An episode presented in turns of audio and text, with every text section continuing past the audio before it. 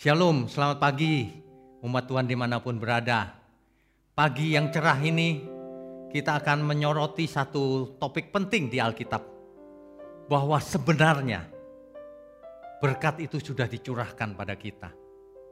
Berkat yang sesungguhnya. Sayang sekali ada banyak orang menganggap berkat yang lain yang sesungguhnya. Meleset. Inilah yang akan kita bicarakan di pagi ini. Mari kita siapkan hati, kita tundukkan kepala.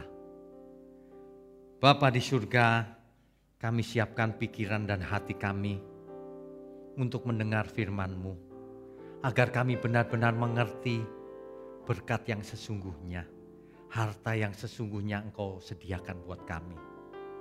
Terima kasih Bapak, terima kasih Tuhan Yesus, berkati channel ini untuk menjadi alat di tangan-Mu, untuk menjangkau jiwa-jiwa di banyak negara, sampai ke ujung bumi. Terima kasih hanya di dalam nama Tuhan Yesus kami berdoa. Amin. Bapak Ibu, Saudara sekalian, tidak ada satu manusia pun yang tidak menginginkan diberkati.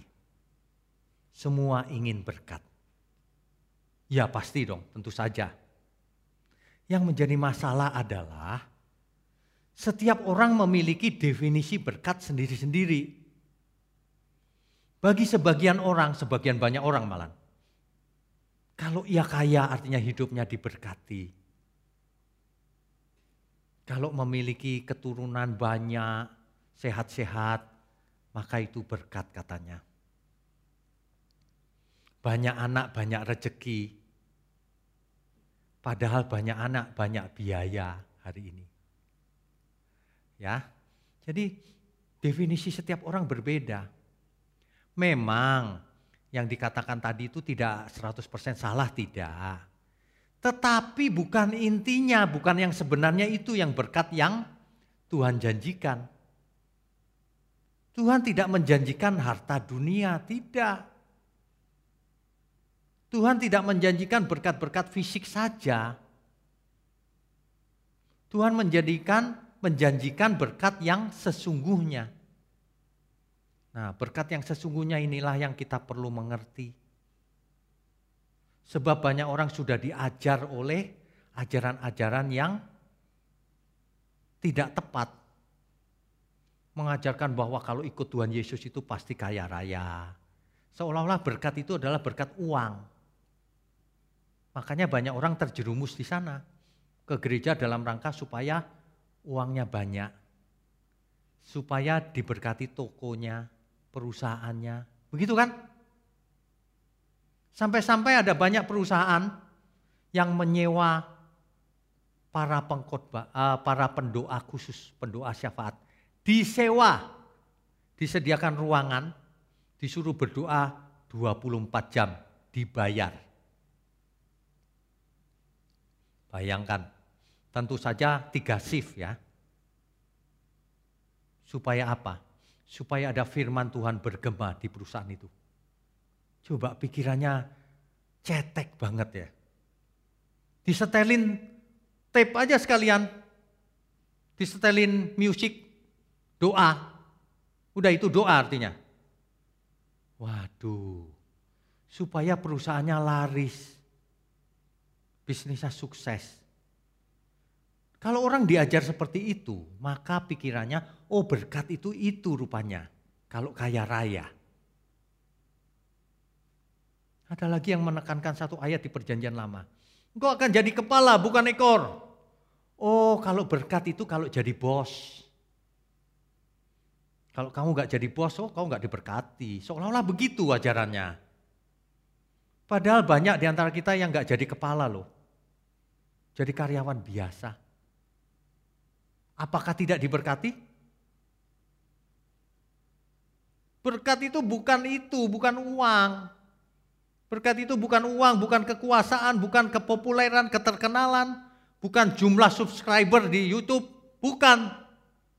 Bukan jumlah like, bukan. Percuma banyak yang jempol like, tapi semuanya setan yang like. Tapi Tuhan begini jempolnya. Ada amin ya. Jadi kalau kita bicara soal berkat, itu harus dipandang dari sudut pandangnya Tuhan. Jangan sudut pandang kita manusia. Banyak orang kalau sakit dibilang, waduh aku sedang tidak diberkati. Jangan salah, kita sakit itu memiliki pengalaman juga ketika aku sakit. Tuhan masih besertaku loh. Tuhan itu beserta kita loh dalam segala keadaan. Mau sehat, mau sakit. Ini tidak banyak orang mengerti. Kalau lagi terima uang banyak, yes, haleluya. Kalau saldo di bank turun, haleluya pak. Haleluya pelan. Aduh, pengertian berkat kok jadi begini ya. Pada kesempatan ini kita akan membahas soal berkat yang sebenarnya. Apa sih berkat yang sebenarnya menurut Alkitab? Ingat, berkat itu dalam teks Ibrani, teks asli Alkitab. Dipakai kata berakah. Berakah dalam bahasa Arab barokah. Dalam bahasa Indonesia berkah atau berkat. Sama aja itu. Ya. Jadi kalau ada teman kita yang suka pakai berkah, berkah ya artinya berkat sama saja. Apa sih berkat itu sebenarnya? Kalau Tuhan memberkati kita, apa artinya? Kalau kita belajar Alkitab dengan utuh, lengkap, murni, tanpa memasukkan ide-ide sendiri, maka kita akan mengerti. Berkat itu adalah sesuatu yang menyelamatkan. Itu yang terutama. Menyelamatkan. Contoh, kalau seseorang miskin lalu mendapatkan kekayaan, jadi kaya raya, apakah itu berkat? Belum tentu. Pada waktu ia miskin dulu ia dekat Tuhan. Tapi ketika ia kaya, ia jauh daripada Tuhan. Apa artinya? Kekayaannya itu adalah kutuk, bukan berkat. Karena justru kekayaannya itu menjauhkan ia dari Tuhan. Menyebabkan ia jauh dari Tuhan. Tetapi sebaliknya, orang kaya yang jauh dari Tuhan dibuat miskin. Apakah kebangkrutannya itu kutuk? Kalau ketika ia miskin ia malah mencari Tuhan, mengenal Tuhan. Itu berkat luar biasa itu. Lebih baik ia bangkrut daripada kaya. Jadi kebangkrutannya itu adalah berkat. Ada amin? Banyak orang kalau mendengar ini, saya nggak mau pak bangkrut. Gak takut Tuhan emang. Memang Tuhan tidak menginginkan seseorang bangkrut, tidak. Tuhan tidak ingin kita gagal, tidak ngerti apa-apa, nggak punya kemampuan apa-apa. Enggak, enggak juga. Bukan itu intinya. Intinya adalah berkat itu sesuatu yang mendekatkan kita pada Tuhan. Yang membuat kita selamat, yang membuat kita mengerti kebenaran yang membuat kita cerdas mengerti kehendak Tuhan. Yang membuat kita mengerti pikiran perasaan Kristus. Yang membuat kita mengenakan kodrat ilahi. Yang membuat kita menjadi anak Allah. Itu berkat. Apa pun bentuknya. Ada juga Pak, yang makin dia kaya, makin dia dekat Tuhan. Bagus, tapi biasanya tidak begitu. Sebab mamon itu sering kali memperdaya manusia. Itulah sebabnya kalau manusia tidak tidak mampu mengelola mamon, lebih baik tidak usah kaya. Ada orang cerita sama saya, istrinya yang cerita. Pak suamiku itu dulu miskin baik loh pak. Sekarang kaya pak, matanya jelalatan. Waduh, kekayaannya jadi kutuk nih berarti. Siapa pun Bapak Ibu, Saudara yang mendengar firman di pagi hari ini harus mengerti jangan kita terjerumus kepada kutuk. Meskipun tidak ada orang yang mau dikutuk, tapi banyak orang tanpa sengaja mengundang kutuk dalam hidupnya. Kalau seseorang menjauh dari Tuhan itu artinya mengundang kutuk. Ya. Jadi berkat yang sesungguhnya itu bukan seperti yang sudah diajarkan, kaya raya dan sebagainya, bukan. Tapi apakah itu membuat kita dekat Tuhan? Membuat kita makin mengerti kebenaran, makin cerdas, hidup kita diubahkan menjadi berkat bagi sesama. Dulu pelit, sekarang nggak pelit. Nah itu berkat artinya. Dulu nggak mengerti kebenaran, sekarang mengerti. Oh itu tak ternilai mau diukur dengan nilai uang berapa. Nggak bisa dinilai. Ya, banyak orang terjerumus dalam berkat-berkat yang tidak sesungguhnya. Semua hal yang membuat hidup kita berkenan bagi Tuhan, itulah berkat. Jadi sebenarnya berkat nggak usah ditunggu dari Tuhan. Kita itu sudah diberkati, sudah diampuni dosanya, sudah diberi roh kudus dalam diri kita, sudah diberi firman kebenaran, Alkitab. Bahkan Allah turut bekerja dalam segala sesuatu untuk mendatangkan kebaikan, untuk mendatangkan berkat. Tapi nggak bagi semua orang, hanya bagi orang yang mengasihi Dia. Kalau orang mengasihi Tuhan, apa pun yang terjadi dalam hidupnya, mau bangkrut, mau sukses, semuanya itu tetap berkat. Ada amin? Dikala kita sakit pun itu berkat. Sebab waktu kita sakit kita makin dekat Tuhan. Tuhan, Aku sedang sakit Tuhan.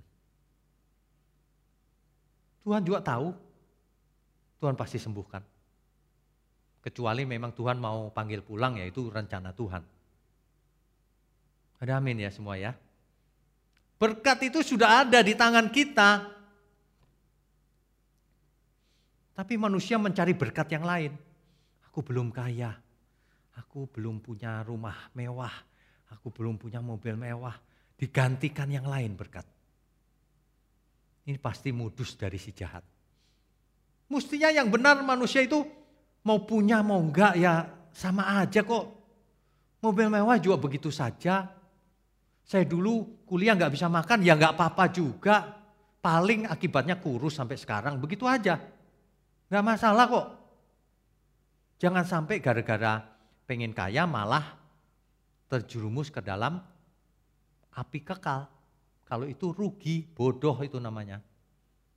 Ya, nggak masalah. Makan apa saja enak kalau hati kita damai. Iya. Berkat itu sudah ada pada kita. Orang tidak bisa menikmati. Banyak orang menyia-nyiakan berkat yang ada pada dirinya.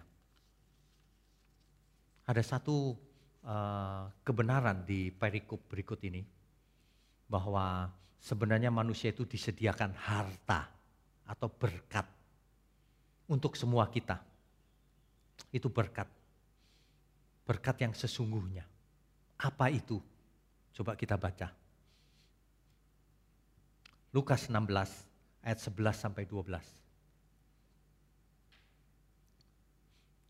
Lukas 16 ayatnya yang ke 11 sampai 12. Atau mulai dari ayat 10 saja, biar lebih jelas. Barang siapa setia dalam perkara-perkara kecil, ia setia juga dalam perkara-perkara besar. Dan barang siapa tidak benar dalam perkara-perkara kecil, ia tidak benar juga dalam perkara-perkara besar. Ya pasti dong. Hal kecil aja kamu gak bisa dipercaya, jadi bendahara. Uang kecil aja kamu sudah gak jujur, gak mungkin dijadikan bendahara yang lebih besar. Kan begitu ya, logis. Orang yang gak bisa dipercaya jangan di jangan dipekerjakan. Ayat 11.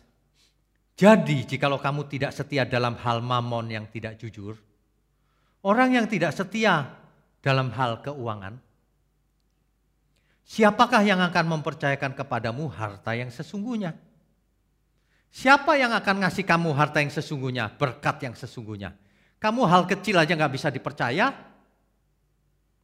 uang saja kamu nggak jujur. Ayat 12. Dan jikalau kamu tidak setia dalam harta orang lain, siapakah yang akan menyerahkan hartamu sendiri kepadamu? Rupanya ada harta kita sendiri yang disediakan Tuhan. Harta yang sesungguhnya. Hidup kita yang sekarang ini, harta bukan harta kita. Jadi jangan dimiliki. Harta yang sesungguhnya disediakan Tuhan. Di mana? di langit baru, bumi baru. Itu harta yang sesungguhnya. Berkat itu puncaknya nanti di langit baru, bumi baru. Tapi mulai sekarang pun sudah dicurahkan berkat-berkat itu. Mulai sekarang juga sudah dicurahkan. Mari kita belajar menghargai berkat yang Tuhan curahkan. Kalau kita diberkati, supaya kita menggunakan berkat yang kita terima itu untuk memberkati orang lain sesama. Bukan untuk dinikmati sendiri. Itu maksudnya. Ada amin ya. Makanya kita diperhadapkan mamon atau Tuhan. Tuhan atau mamon. Harusnya kita menggunakan mamon untuk memuliakan Tuhan. Harusnya. Tapi teologi yang beredar, teologi kemakmuran maksud saya. Itu justru menggunakan Tuhan untuk mendapatkan mamon. Kebalik. Perhatikan baik-baik. Ajaran firman yang benar adalah menggunakan mamon untuk kemuliaan Tuhan. Ajaran teologi kemakmuran membalik kebenaran. Menggunakan Tuhan untuk mendapatkan mamon. Itulah ajarannya. Teologi sukses itu. Datang kepada Tuhan supaya diberkati mamon. Supaya dibuat kaya. Itu teologi sukses. Ya, ada banyak sekali yang beredar teologi seperti itu. Ini teologi yang merusak. Sama, teologi mistis juga sama tuh. Kalau kamu mau diberkati minum minyak yang kudoakan ini. Mistis. Di Alkitab juga tidak ada. Merusak cara berpikir umat Tuhan. Ada orang tua yang ngajarin anaknya, nak kamu kalau mau ujian gampang nak gak usah belajar. Minum minyak urapan aja sini. Nanti kamu pinter otomatis. Ini orang tua yang menyesatkan anaknya ini. Akibatnya anaknya ujian gak bisa apa-apa. Nol nilainya. Itu bukti bahwa ajaran itu palsu. Kalau mau pinter minum minyak urapan bisa, gampang kalau gitu. Kita nggak usah sekolah. Minum minyak urapan pinter sekarang langsung. Ini ajaran kok bisa begitu ya. Udah palsu banyak pengikutnya lagi. Banyak orang nggak punya hikmat sama sekali. nggak takut Tuhan. nggak belajar Alkitab tuh begitu akibatnya. Ya, aduh, capek deh. Berkat yang sesungguhnya itu disediakan Tuhan sudah ada dalam diri kita selama kita di bumi ini. Harta yang sesungguhnya itu ada di langit baru, bumi baru.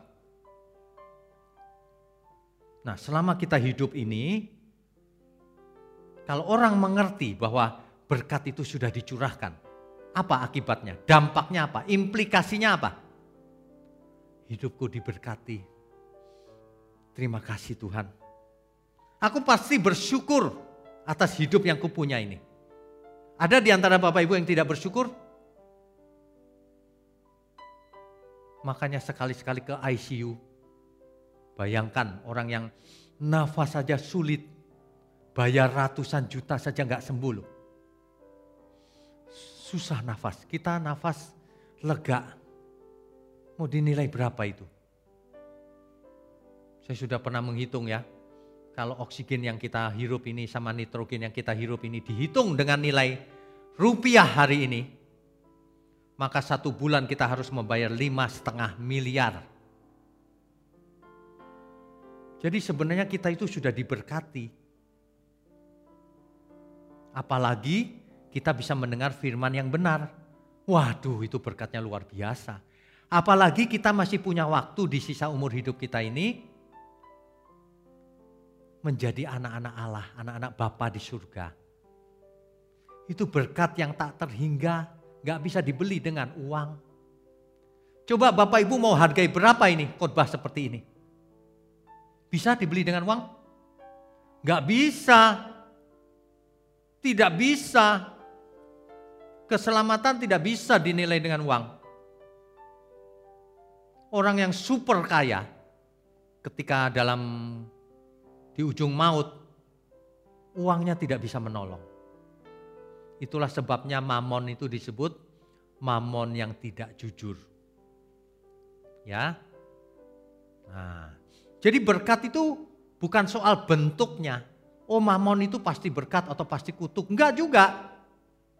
Mamon itu netral. Mamon itu bisa menjadi berkat kalau digunakan untuk bersahabat dengan Tuhan. Kalau digunakan untuk mengasihi Tuhan.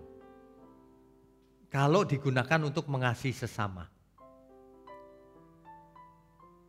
Kalau untuk memuliakan Tuhan. Ada amin?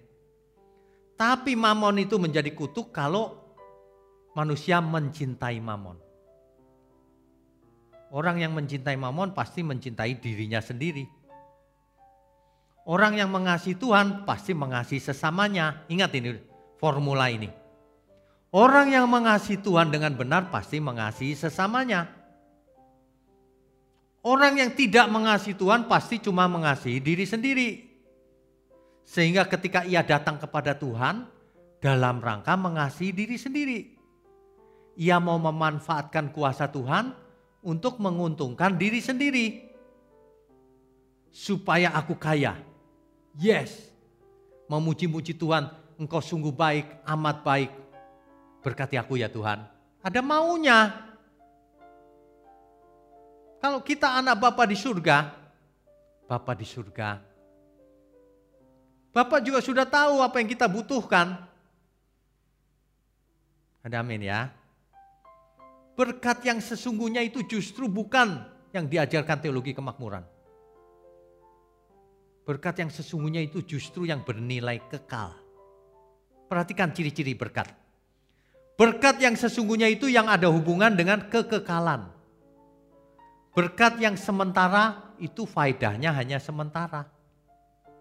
Ya kita juga diberkati juga oleh dengan uh, kecukupan uang, makan, minum. Ya tetapi itu sementara gunanya. Nah, artinya yang lebih penting lagi adalah berkat yang kekal yang harus dimulai sejak sekarang, bukan nanti, sekarang.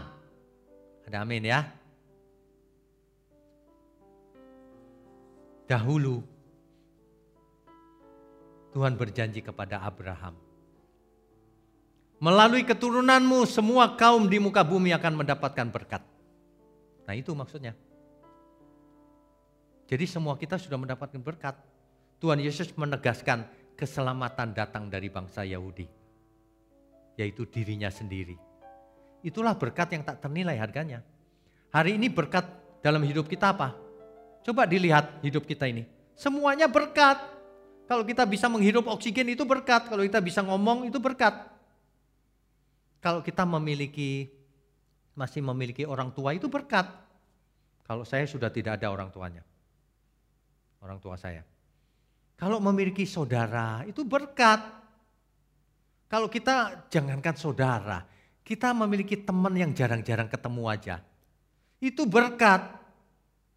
Jadi kalau kita lihat sekarang teman-teman kita gitu ya. Ini berkat semuanya ini membuat kita senang. Kita punya teman, apalagi kalau seiman, Gak seiman aja kita senang loh lihatnya. Kita punya teman. Bapak Ibu kalau gak bisa merasakan itu berarti belum diberkati. Tuhan berkata begini loh, damai sejahtera yang kutinggalkan tidak sama dengan damai sejahtera yang dunia berikan. Yang dunia berikan yaitu kekayaan, kekuasaan, kepuasan nafsu, dan macam-macam lain. Tapi yang Tuhan berikan tidak tergantung dari suasana. Apa pun keadaanku, aku tenang bersama Tuhan. Sebab dialah gembalaku. Dia gembala yang baik. Dia mengasihi aku. Dia Bapa yang baik. Dan rohnya menyertai aku. Coba kurang apa lagi? Ada yang kurang? Ayo Bapak Ibu kita belajar dalam situasi pandemi ini sebenarnya berkat Tuhan melimpah dalam hidup kita. Berkat itu jangan cuma berkat yang sementara. Kita harus berpikir berkat yang kekal. Bagaimana ya Tuhan? Aku mau berkat yang kekal. Makanya Alkitab berkata begini, pikirkanlah perkara yang di atas, bukan di bumi. Kumpulkanlah harta di surga, bukan di bumi. Itu bukan berarti kalau gitu aku nggak kerja aja Pak miskin. Bukan itu loh artinya ya. Artinya kita harus mengumpulkan harta di surga. Artinya kita harus selama hidup ini memuliakan Tuhan. Sebelum kita menutup mata. Berkat yang sesungguhnya itu bernilai kekal. Berkat yang sementara itu bernilai sementara. Tapi berkat kekal dimulai sekarang. Meskipun sementara kita harus jadi berkat. Kalau kita tidak mau jadi berkat, artinya kita tidak memiliki pikiran perasaan Kristus. Artinya belum memiliki. Orang yang tidak memiliki pikiran perasaan Kristus, dia bukan murid Kristus. Makanya ya, orang yang rajin ikut mendengar khotbah yang benar, pasti diubahkan. Pasti. Alkitab berkata, jika engkau tetap di dalam firmanku, tetap itu maksudnya setiap hari belajar, tiap hari hidupnya sesuai firman, itu maksudnya tetap. Maka kamu benar-benar adalah muridku. Dan kalau kamu muridku, kata Tuhan Yesus, kamu akan mengerti kebenaran. Kalau kamu murid yang lain, kamu gak ngerti kebenaran. Kalau kamu mengerti kebenaran, maka kebenaran itu akan memerdekakan kamu. Kamu akan merdeka wawasannya. Terbuka lebar, mengerti kebenaran. Tidak terikat oleh ikatan-ikatan jahat. Tidak terikat oleh keinginan pribadi. Tidak terikat oleh dosa, oleh beban sehingga secara efektif kita bisa berlari-lari ke depan. Memenangkan perlombaan yang diwajibkan bagi kita. Ada amin semua ya. Berkat yang sesungguhnya itu semuanya sudah dicurahkan. Tinggal kita yang harus meraihnya. Ada seorang yang memakai ayat ini Allah akan berperang ganti kamu dan engkau akan diam saja. Kalau teologi kemakmuran diartikan begini, oh kalau gitu kita diam aja deh. Kita diberkati waktu diam, malas-malesan. Pada waktu tidur aku diberkati pak, nah itu dia. Kalau orang suka membaca Alkitab sembarangan, itu begitu tuh. Ayat tadi itu khusus berlaku bagi Israel zaman itu. Zaman sekarang Israel juga tetap harus bekerja keras, gak boleh diam saja. Itu ketika bangsa Israel ingin menyeberang laut teberau, laut terbelah. Kamu akan diam saja yang membelah aku. Gitu kira-kira Tuhan berkata begitu. Kok diartikan dipakai zaman sekarang? Aku nanti diam aja Tuhan berkati. Kau diam saja jangan kau makan kata Alkitab. Barang siapa malas jangan ia makan. Makanya banyak orang gak diberkati hidupnya. Karena pengertiannya tidak tepat akan firman. Kalau kita mengerti firman, kita pasti diberkati hidupnya. Kalau kita memiliki karakter kebenaran, nggak mungkin kita males dong, nggak mungkin. Nggak mungkin kita pelit juga, nggak mungkin. Kita mengerti. Pasti kita melihat orang lain seperti saudara kita. Bagaimana ya aku harus jadi berkat bagi banyak orang ya. Berkat tidak hanya uang loh ya, jangan pikirannya uang melulu. Segala sesuatu dinilai dengan uang terus. Kalau punya uang dibagikan, itu berkat juga. Tapi berkat bisa berupa penghiburan, bisa berupa memberi kekuatan kepada yang sedang sedih. Tapi yang lebih penting adalah berkat kekal bagikan kebenaran ini, maka orang yang menerimanya akan mendapatkan berkat kekekalan. Kalau ia mau mendengar dan mengerti dan berubah hidupnya. Amin ya? Memberkati orang itu zaman sekarang agak mudah. Bagikan saja firman-firman kita. Itu memberkati sangat luar biasa karena tidak ternilai dengan uang loh. Ya. Bagi yang kekurangan ekonomi ya kita harus bantu dengan keuangan, harus pasti. Ya. Kalau jemaat di tempat ini kekurangan ya kita bantu pasti. Tapi kalau orang yang mengaku-ngaku jemaat dari ujung bumi ya kita nggak tahu juga ya. Makanya saya sarankan masing-masing datang ke gereja masing-masing. Gereja harus jadi penyalur berkat. Baik berkat jasmani maupun berkat rohani terutama berkat kekekalan. Gereja harus menjadi teladan di tengah-tengah dunia yang gelap ini. Kita pun harus jadi teladan. Makanya kita semua harus dukung pekerjaan Tuhan di tempat ini juga. Karena jangkauannya luas. Bagikan ke teman-teman, ke saudara-saudara. Agar mereka sadar bahwa selama ini mereka mengejar berkat yang bukan sesungguhnya. Berkat yang sementara. Berkat juga, tapi sementara di bumi. Justru yang berkat utama jangan diabaikan. Yaitu berkat yang akan membawa kita kepada kekekalan bersama Tuhan. Amin ya. Mari kita latihan. Latihan menyalurkan berkat yang ada pada kita pada semua orang. Mari kita mulai menata cara kita bicara supaya menjadi berkat bagi banyak orang. Jangan bicara jadi sandungan, nulis jadi sandungan. Apa saja yang dilakukan jadi sandungan. Mari kita belajar apa pun yang kita lakukan menjadi berkat. Entah itu berkat yang sementara atau berkat jasmani atau rohani. Tapi dari situ harus dilanjutkan. Berkat itu harus sampai kekekalan. Makanya orang tua yang baik akan mendidik anaknya, akan memberi warisan kepada anaknya, itu berkat yang sesungguhnya.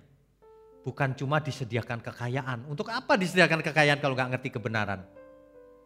Orang tua yang baik akan mendidik anaknya dalam kebenaran.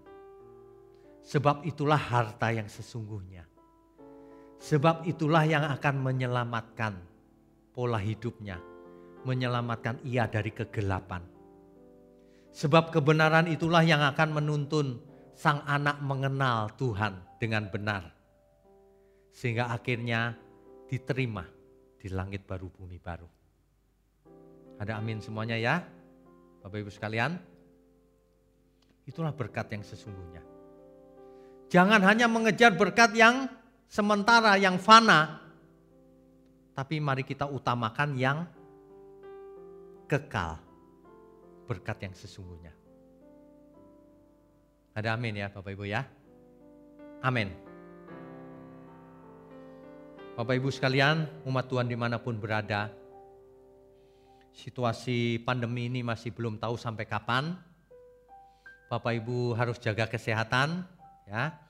Minum vitamin D dosis tinggi, ya, jaga kesehatan, tidur jangan malam-malam, bangun pagi boleh, berjemur matahari minimal 30 menit, dan hati yang gembira adalah obat yang manjur. Semuanya ini juga berkat, terutama belajar firman. Makin giat belajar firman, sehingga hidup kita diubahkan. Amin ya. Bapak Ibu kalau diberkati harus memberkati pekerjaan Tuhan juga. Sebab pekerjaan Tuhan ini bukan untuk kita individu, tapi untuk memberkati banyak orang. Amin ya. Mari kita hidup menjadi berkat. Maka kita adalah orang-orang yang berbahagia. Amin. Mari kita tundukkan kepala. Bapa di surga, terima kasih untuk firman-Mu. Kami semua disadarkan bahwa sudah disediakan berkat yang sesungguhnya, harta yang sesungguhnya di surga.